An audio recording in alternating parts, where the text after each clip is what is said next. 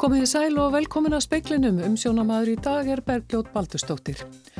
Ríkistjórnin kynnti á bladamannafundi í dag frumvörp til laga um hertar sótvarnir á landamærunum.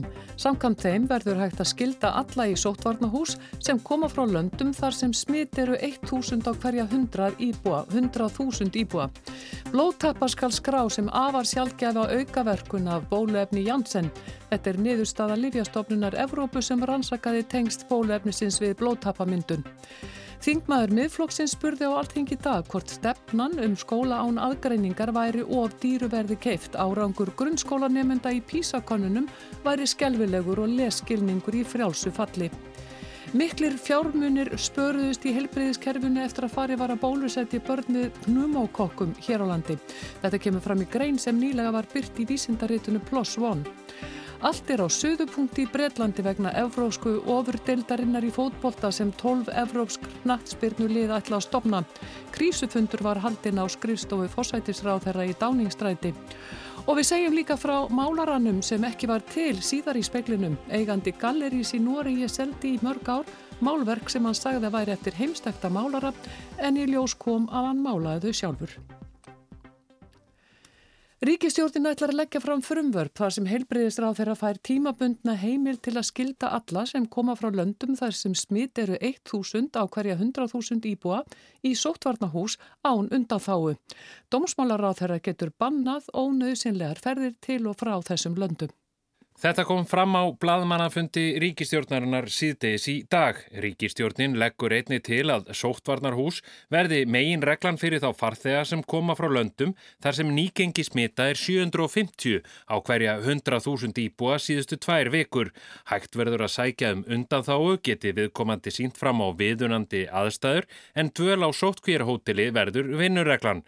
Frumvarpum breytingar á sóttvarnarlögum verður væntilega lagt fram á alþingi í kvöld og pundnar eru vonir við að það verði afgreitt á morgun. Ég hef heyrt að það er mikið ákall um hertar aðgerra landamærum á alþingi þannig að ég hef nú vonað því að því verði vel tekið að þetta komin í þingi en við erum auðvitað eigum eftir bara að ræða það við okkar kollega á þinginu hvernig nákvæmlega framgangur málsins verður en ég hef væntingar til þess að það geti gengið hratt og öruglega fyrir sig.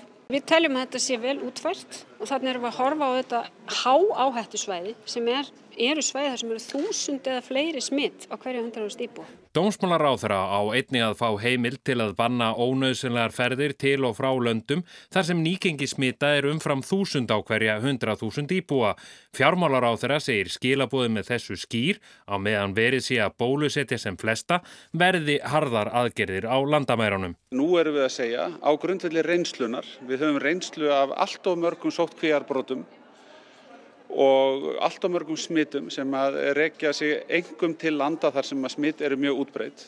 Á er núna verið að búa til nýjan áhættuhóp í raun og veru með því að skilgarina lönd sem eru með yfir þúsund smitt á 14 dögum sem nýjan sérstakann áhættuhóp þar sem engar undan þá er verða mögulegar frá því að fara í sótkví og við viljum ekki aðrar en nöðsynlega ferðir til landsins frá þeim svæðum. Sagði Bjarni Benediktsson áður herðist í Katrínu Jakobsdóttur. Freyr Gíja Gunnarsson tók saman. Þórólfur Gunnarsson, sótvarnalæknir, hvaðist Bjart síðan á að vel gangi með bólusetningar á næstunni. Hann segist búast við að karlmönnum, sextugum og yngri verði gefið bóluefnið AstraZeneca. Áhættan af þessum segamyndunum hefur einhverjum sérst hjá konum yngre en 55 ára þannig að, þannig að við gætum farið til dæmis undir 60 ára hjá karlmönnum. Þórólfur segir árangurinn í bólusetningunum far eftir því hversu mikið bólefni berist til landsins. Hann hveðst vongóður um að vel gangi. Og framleiðendur er að gefa í og, og, þannig að ég held að það sé bara útlitið sér nokkuð bjart eins og, eins og staðinni núna en En auðvitað vitum við það að það þarf ekki mikið að koma til til þess að getur komið eitthvað bakslægið en þá tökum við bara á því ef það kemur. Vel ráðist við bólusetningarnar þótt árgangarnir séu fjölmennir en fjöldi fólks fái spröytu í þessari viku og næstu. Um 12.000 hafi verið bólusett í vikunni og Þórólfur býst við að það verði annað eins í næstu viku.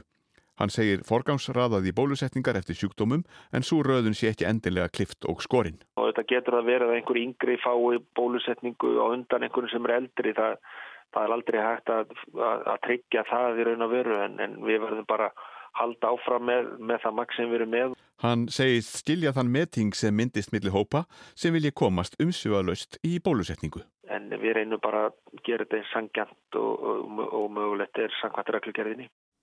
Og þetta var Þórólfur Guðnason, Markus Þórharsson tók saman. Leifjastofnun Evrópu hefur komast að þeirri niðurstöðu á skráa í blóðtappa sem afar sjálfgæfa aukaverkun bóluefnis Janssen gegn COVID-19. Sérfræðingar nefnd var falið að rannsaka tengst við blóðtappamyndun og var niðurstaðan kynnt fyrir í dag.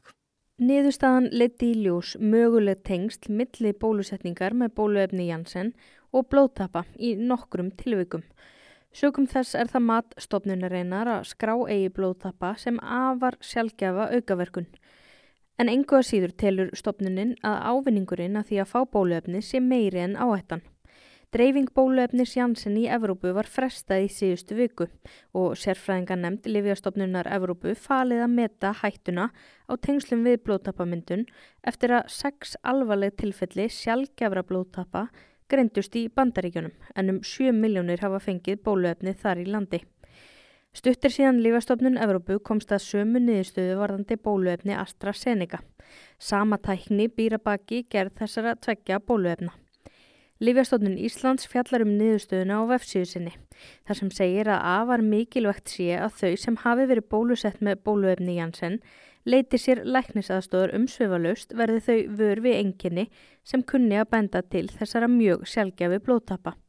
Þau eru til dæmis mæði, brjóstverkur og þrótti í fæti. Ólef Ragnarstóttir sæði frá. Kvorki evrópska nýja alþjóða knatsbyrnu sambandið má grípa til aðgerða sem hindra að ofurdeildin verði að veruleika. Þetta er niðurstaða domstóls í Madrid á Spáni. Nokkur af stæstu liðum Evrópa ætla að setja á lakirnar 12 liða deild í óþökk alþjóðlegra knatsbyrnu yfirvalda. Real Madrid er eitt þeirra en Florentino Pérez, fórseti félagsins, segir þetta gert til að bjarga fótboltanum á erfiðum tíma. Hann og forsvarsmenn stæstu liðana eru mjög ósáttir við nýtt fyrirkomulag meistaradeildar Evrópu sem tekur gildi 2024. Gert er ráð fyrir að nýja ofurdeildin verði spiluð samhliða Evrópudeildunum og í henni verði 20 lið. Óvist er hvenar hún myndi hefjast en alltjóðleg eh, knaspirnu yfirvöld og bresk stjórnvöld hafa heitið í að gera hvað þau geti til að koma í veg fyrir þetta. Því hefur verið haldið fram að stórliðin stopnu ofurdeildina aðeins peningana vegna. Við heyrum meirum ofurdeildina síðar í speklinu. Ásókn í nám á mentavístasviði Háskóla Íslands og Háskólas á Akureyri hefur rúmlega tvöfaldast á undanförnum árum. Mentamálar á þeirra segir mikilvægt að ebla ennfrekar umgjörði kringum kennara til að bæta árangur grunnskólabarna. Þetta kom fram í umræðu um skóla án aðgrinningar á alþingi í dag. Málsefjandi var Karl Gauti Hjaldarsson þingmaður miðflokksins en hann líst yfir áhyggjum á stöðumála. Íslenskir grunnskólanemendur hefðu komið skelvilega út úr undanförnum písakönnunum, bæði í starfræði og náttúrufræði og þá var í leskilningur í frjálsufalli. Staða drengja væri einni áhugjefni og skólakerfið skorti úrræði til að mæta þörfum þeirra. Að þessu leitu höfum við ratað í miklar ógangur og tafalus úrbótaði þörf. Við að viðurkenna verðu þennan vanda, ekki aðeins í orði heldur líki verki. Ymsir hafa bent á að meðan nefndanum sé ekki nægilega sint í skólanum eins og kerfið eru byggt upp í dag. Þeir verði út undan, gleymist. Allur tíminn fari í erfustu nefndunar sem eru mest ábyrjandi hverjum bekk. Hvað með afbúranemyndu, fá þeir næja aðtíklu og verkefni með hæfi? Þar liggur vandin í skólakerfinu. Saði Karl Gauti og spurði ennfremur hvort stefnan um skóla án aðgreiningar væri of dýru verði keift. Lilja Alfredsdóttir mentamálar á þeirra sagði að mikil vinna hefði á undanförnum árum farið í að ebla skólastarf. Og við fórum strax í þær umbætur og við settum sérstaka áherslu á leskilning, eh, starffræði og náttúrugreinar. Við réfumst í aðgerið til þess að fjölga kennarnemum og hver hefur árangurinn verið? Árangurinn er sá að eftirspurn eftir því að fara inn á mentavísindasvið, bæði hér á mentavísindasviði í Háskóla Íslands og Háskóla, Háskólanum Akureyri, aukningin er 103, 153% sem segir okkur það að það er, gríða, það er gríðalegu meðbyr með því að ebla mentakerfið. Sagði Lilja Alfredsdóttir, Háskvöldur Kári Skram tók saman.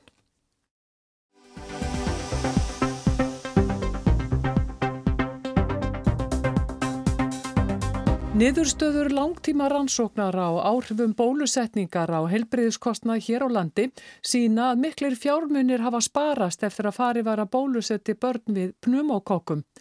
Gera má ráð fyrir að dreyið hafi úr kostnaði í heilbreyðiskerfinu um hátti í 900 miljónir íslenskara króna á árunum 2013 til 2015. Þetta kemur fram í grein sem nýlega var byrt í vísindaritinu Plus One. Einn af höfundumennar er Elias Snæbjörn Eithórsson, læknir í sérnámi í svæfingar og gjörgjæslu lækningum á landbítalanum og fleiri íslenskir vísindamenn. Greinin er svo síðasta í röð vísindagreina sem skrifaðar hafa verið um rannsóknir á áhrifum bólusetningar við pneumokokkum sem hófust hér á landi árið 2011. Nokkru síðar hófst umfangsmikil rannsókn á áhrifumennar undir stjórn þryggja íslenskra lækna Áskeirs Haraldssonar, Karls G. Kristinssonar og Helgu Erlendstóttur. Elias Snæbjörn Eithórsson tók þátt í henni og doktósverkefni hans er hluti af rannsókninni. Pneumokokkar er hættulegur síkill sem hefur valdið alvarlegum síkingum eins og eirnabólgu, lungnabólgu og alvarlegum ífarandi síkingum eins og heilahemnubólgu og blóðsíkingum sem geta verið lífshættulegar. Bóluefni sem notað er til að bólusetja við pneumokokkum er dýrt en sínt hefur verið fram á að það fækkar alvarlegum síkingum. En það þarf líka að taka með í reikningin að þegar ball leggst inn til dæmis á barnaspítala með lungnabólgu að þá er það hræðilegt, ég menna fyrir barnið það er, það er þjáning fólkin í því og veikindi og þetta er eitt og sér eitthvað sem við viljum koma í veg fyrir. En það er líka kostnarsamt það kostar það að, að, að, að það sér ekki þarna uh, legudeildaplás það kostar blóðpröfur og rannsóknir það kostar uh, vin, tíma frá vinnu fyrir fóreldrana og, og allt þetta skal vegu upp á móti kostnæðan á bólusetningunni. Það þýðir ekki að tala um það að það kosti margar 20 miljóna að bólusetja. Það er ekki líka hort til þess að með því að koma í veg fyrir eitt lungnabólgu tilfelli þá er jafnvel verið að spara upp í eina miljón krónu. Og við vildum skoða þetta mjög vel og við vildum sagt meta það okay, hvað kostar það nákvæmlega fyrir þjóðfélagið að hafa farið út í það sem við viljum meina og, og ég tel að við hefum syngt mjög vel fram á þessa miklu fjárfestingu sem eru bólefni. Því að það sem kemur síðan á daginn og, og við ræðum hér á eftir er að þetta endaði á því að spara þjóðfélagið tölveran pening. Þannig að ekki bara fengum við færri tilfelli sem er jú markmiðið en við spörðum líka pening og þann pening má nota til þess að bæta hilbyrjastjónustuna annar staðar.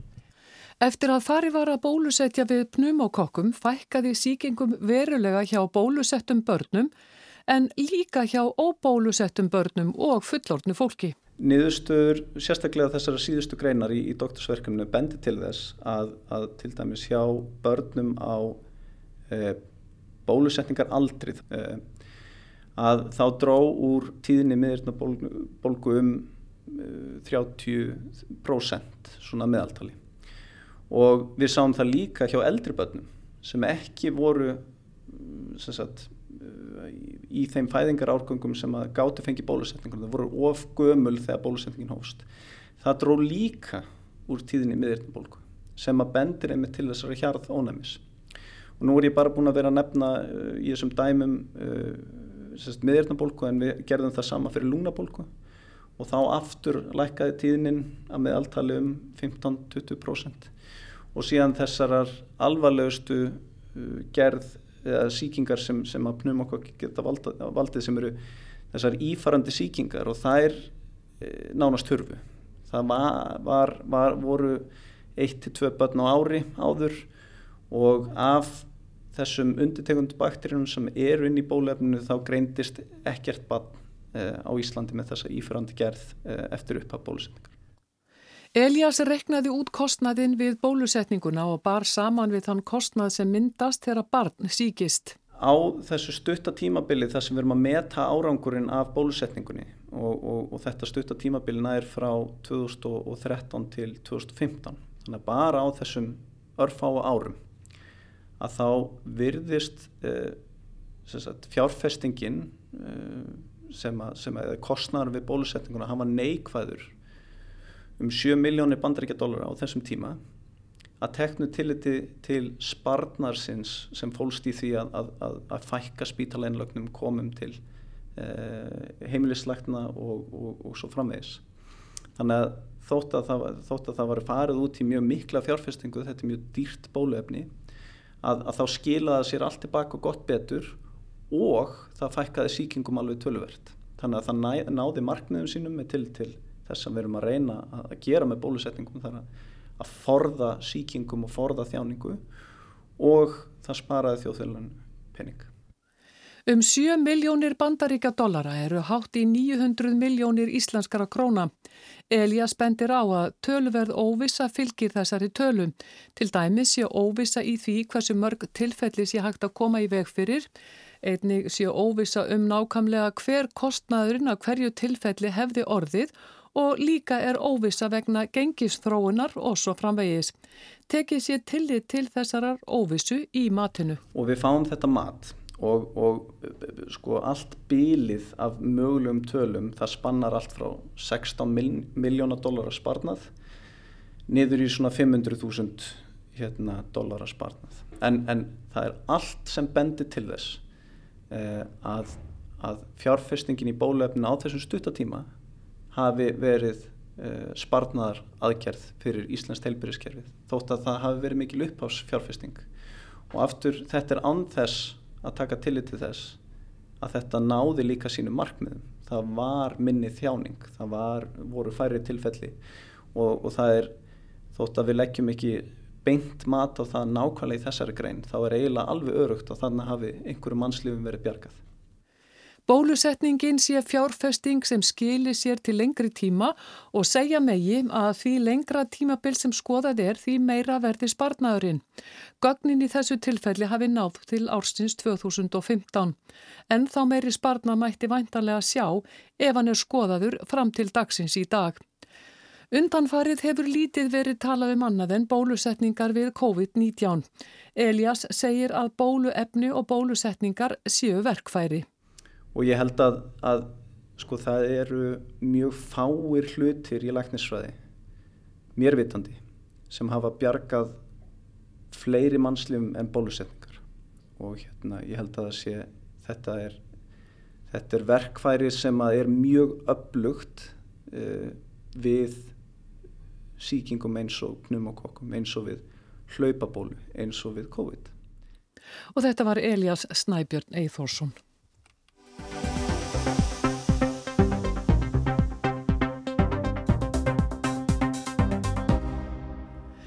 Það er krísufundur á skrifstofu fórsætisráð þeirra í dáningsstræti og breska þjóðarsálin er á söðupunkti. Það er ekki nýtt COVID-afbreyði sem veldur geðsræringum heldur ný evrópsk ofurdeld í fótbolta. Síðdeis á sunnudaginn heyrðist fréttin sem skekur breyta meir en orð og líst þessa dagana.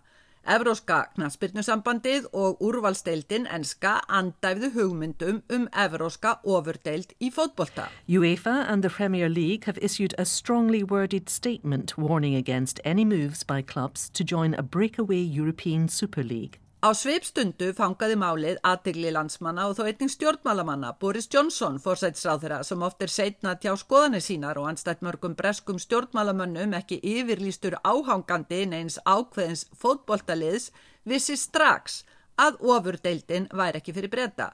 Skadleg hugmynd og stjórnin myndi styrkja fótboltasamtök til aðgerða gegninni týsti fórsætsráð þeirra og sagði viðtölum að þetta litist honum ekki á og nú er þið aðtúað hvað var hægt að gera. Uh, I don't like the look of these, uh, of these proposals and we'll be consulting about what we can do.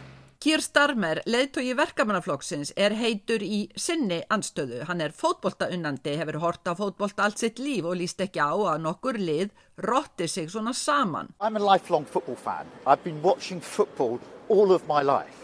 Um, and I profoundly disagree with this proposal. Um, there's a cartel of clubs breaking away. Fátt sem starmer á sameilett með forvera sínum Jeremy Corbyn en þó þetta að báðir er þeir ákafir stuðningsmenn Arsenal. Eldfimt efni nú þegar Arsenal vil vera í ofurdeildinni umdeildu. Í ofurdeildinni eiga vera 12 först lið. Í viðbót við Arsenal 5 önnur bresk lið. Chelsea, Liverpool, Manchester City, Manchester United og Tottenham Hotspur. Ekki sérlega evrósk dreifing liðana þarna því viðbóti breskuliðin er það þrjú ítölsklið, AC Milan, Inter Milan og Juventus og spænsku stórliðin Atletico Madrid, Barcelona og Real Madrid. Þrjú önnur verða svo árlega valin með. Fimm af bresku liðunum sex eru í eigu erlendra fjárfesta og eigandunum sex núðum nasir að græðgin ráði ofurdeildarferðinni. Mörg liðana eru hlaðin skuldum, nýja deildin ráð gegn þeim.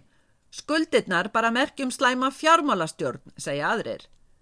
Það hefur lengi verið orðrómur um svona ofurdeild undir tektirnar aldrei góðar, rétt eins og síni sig núna. Allir útvarsættir þjóðarsálarnar bresku fullir af röndum sem finnst þessi nýja deild ógæðfælt tilhugsun. Einu sinni hafi íþróttir snúst um keppni. Fótbolti eigi að vera fyrir alla, ekki bara fá að útvalda. I am disgusted, I am devastated. Football is a sport. Or at least it used to be. Mm. Football should be about everyone, not the chosen few. En af hverju vill fótboltaþjóðin ekki nýja toppdeild og meiri fótbolta? Það sem verulega trublar þjóðina er að núverandi fyrirkomulag er eins og þrýhjörningur, keft innan hans í nokkrum deildum um efstusætin.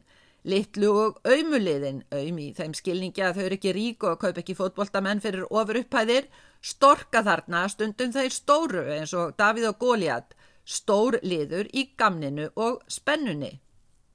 Nýja ofurdeildin er allt öðruvísi á að veita félagunum 12 festu, fjárhagslega festu. Engin keppni um hver eigi að vera með nema að einhverju leiti um þessi þrjú lausu sæti. Fyrirmyndin að svona lokaðri úrvalsteild er að hluta sótt í NFL keppnina bandarísku þar sem sjómarsréttindin eru gullið. Strax búið að reikna það fyrirkomulag yfir í stjartfræðilegar upphæðir í ofurdeildarliðin sem lofa að gefa öðru með sér. Liðin hafa þegar útvega sér fjármögnun frá JP Morgan Chase bankanum upp á 6 miljardar dala, 75 miljardar króna.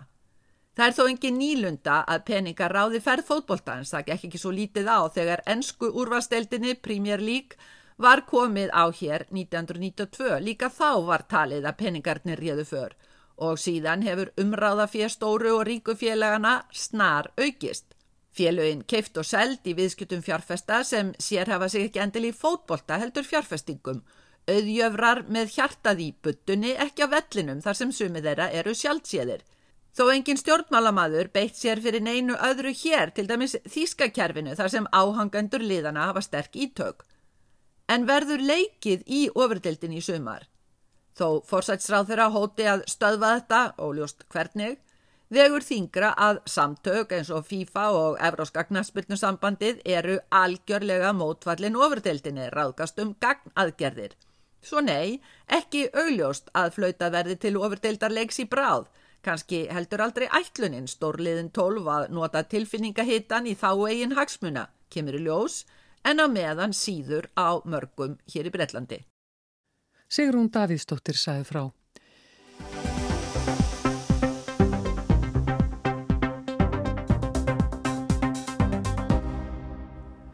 Galleri eigandi í Noregi hefur viðurkent að hafa í mörg ár selt málverk eftir málara sem sagðir voru þekktir víða um heim. Nú hefur komið í ljós að þessir listamenn eru ekki til. Eigandi gallerísins málaði sjálfur myndirnar. Hann hefur nú verið sakaður um fjársvik. Málverk eftir listamanninu Werner Jensen voru vinsæl og röku út. Listunendur voru tilbúinur að greiða alltaf 750.000 krónur íslenskar fyrir eina mynd eftir þennan vinsæla listmálara. Jón Erik Heðemark, eigandi gallerís í Oslo, hefur síðustu 25 ári selti myndir eftir Werner Jensen. Í ferilskrá málarans kemur fram að hann hafi selti verk til margra stórfyrirtækja að hann sé búsettur í Berlín og hann hafi haldið málverkarsýningar í fjölmörgum löndum. Gallin er bara að það hefur engin séð eða hitt en hann málara. Í ágústi fyrra bankaði lauruglan upp á í gallerínu hans Jóns Eriks erindi var að kanna hvort hann hefði tilskilin leifi til að selja málverk. En engi leifi fundust, hins vegar var lagt halda á yfir 200 málverk eftir Werner Jensen og það fór að renna upp fyrir lauruglunum að ekki væri allt með feldu að þessi vinsæli listmálari væri alls ekki til. Hvem er Werner Jensen da? Etter hvert har det blitt klart for oss at Werner Jensen er en oppdiktet person. en person som ikke fins i det virkelige liv, og man rett og slett har funnet opp navnet Werner Jensen for å lage en illusjon at man står overfor en ekte kunstner. Smám saman hefur okkur orðið það ljóst að Werner Jensen er uppskálduð manneskja sem er ekki til í raunveruleikunum. Að nafni Werner Jensen hafa einfallega verið fundu upp til að skapa blekkingar um að þetta væri raunverulegu listamæður, segir Andreas Mega Bentsen, lögfræðingur hjá norsku lauruglunni. Lauruglan laði líka halda á verk eftir tvo aðra listamenn, Knút Úlesen og Erik Krún. Í ljósuðu komi að þeir eru ekki heldur til. Nú hafur lauruglan sakað Djón Erik um fjársvík og jáfnfram beðið þá sem hafa keift verk eftir Jensen og líka Úlesen og Krún að hafa samband. Og lauruglan er með 250 myndir í sinni vörslu og hefur líst í yfir að verkin verði eigðulög í ljósi þess að þau er á vissan háttu fölsuð. Verkin hafa verið seld undir fölskum merkjum. Galleri eigandin Jón Erik Heðemark er hins verið alls ekki sáttur við framferðið lauruglunar. Hann segir að Werner Jensen sé listamanns nafni eða dullefni. Hann hafi 25 ára selti myndir eftir hann. En hver er það maðurinn á bakvið listamanns nafnið? Werner Jensen, det er undertegnede. Werner Jensen er ég sjálfur, segið John Erik án þessa higga. Hann viðurkennar hans í líka Úlesen og Krún. Krún sé ljósmyndar og Werner og Úlesen hafi ólíkan stíl. Þess vegna hafa málað undir þremur nöfnum. Lörglan lítið svo á að John Erik hafi platað kaupindu sína. John Erik er ekki samála þým. Viðskiptavinnindir hafa einfallega keift myndir út frá því sem þeir sáu og fenguð. Hann hafi ekki verið að svindla á fólki. Vonsviknir kaupundur hafa lagt fram 16 kærur eða kröfur sem samanlagt er hljóð upp á næri 100 miljónir norskara króna eða um 1,5 miljard íslenskara króna. Jón Erik hefur viðurkent að ferilskrá Jensens sé ekki öllu leiti rétt. Hins vegar hafi kaupundur fengið svör við öllu spurningum um Jensen. Engin hafi til dæmi spurt um hvort um listamannsnafn eða dullnefni væri að ræða. Lauruglan listi því uppafi yfir að myndindar yrðu eðlaðar. Margir hafa gaggrínt að það standi til. Sérfræðingar í Nóri hafa bent á að það sé beinlinis eða geti verið ólöglegt aðtafim að eðilegja myndindar. Það sé ekki ólöglegt að mála myndir undir dullnefni. Það sé hins vegar mögulega sagnæmt að hafa gefið kaupmyndum rángar upplýsingur um gangverð myndana og lauruglar í Nóri hefur dreyið fyrir yfirlýsingar tilbaka um að myndina verði eðilaðar. Það verði ekki gert en hugsanlegt sé að lagt verði hald á þær ef dómur fellur. Einhverju telja myndindar eigi eftir að verða eftirsóttar þegar framleiða stundir. Fyrirverandi menningamálar á þeirra Noregs, Trín Skæ Grandi, tvítaða málið og kannski gríni. Er það bara ég sem held að það var í saltaðiga mynd eftir Werner Jensen, spurði fyrirverandi ráþöra. Er galleri eigandin og í raun sjálfu listamöðurinn er alls ekki sáttur við að myndinar verði settar á bálið. Það væru tíðindi á árinu 2021 og kannski til að stríða yfirvöldum hefur hann breytt nafninu sínum, sangkvæmdu norsku þjóðskráni heitir hann nú, Jón Erik Werner Jensen Heðimark. Arnar Páll Haugsson sæði frá. Veðurhorfur vestlæg átt 5-10 metrar á sekundum bjart viðri uh, suðaustan til en annars skíjað og þurftamestu, sunnan og suðvestan 5-10 á morgun, skíjað og dálí til væta en þurft að kalla suðaustan og austanlands. Hægari suðlæg átt annað kvöld. Hittir 2-8 steg yfir daginn en víða næturfrost. Það var helst í speklinum að ríkistjórnin kynnti á blagamannafundi í dag frumvörp til laga um hertar sótvarnir á landamærunum. Samkant þeim verður hægt að skilda alla í sóttvarnahús sem koma frá löndum þar sem smit eru 1000 á hverja 100.000 íbúa. Blóðtappa skal skrá sem afar sjálfgefa aukaverkuna bólefni Janssen. Þetta er niðurstaði Livjastofnunar Evrópu sem rannsakaði tengsl bólefnisins við blóðtappamyndun. Og miklur fjármunir spöruðist í helbriðiskerfinu eftir að fari var að bólusetja börn við pnúmokokkum hér á landi. Þetta kemur fram í grein sem nýlega var byrti í vísindaritinu Plus One. Það er ekki fleira í speiklinni í kvöld Ragnar Gunnarsson sendan út verðið sæl.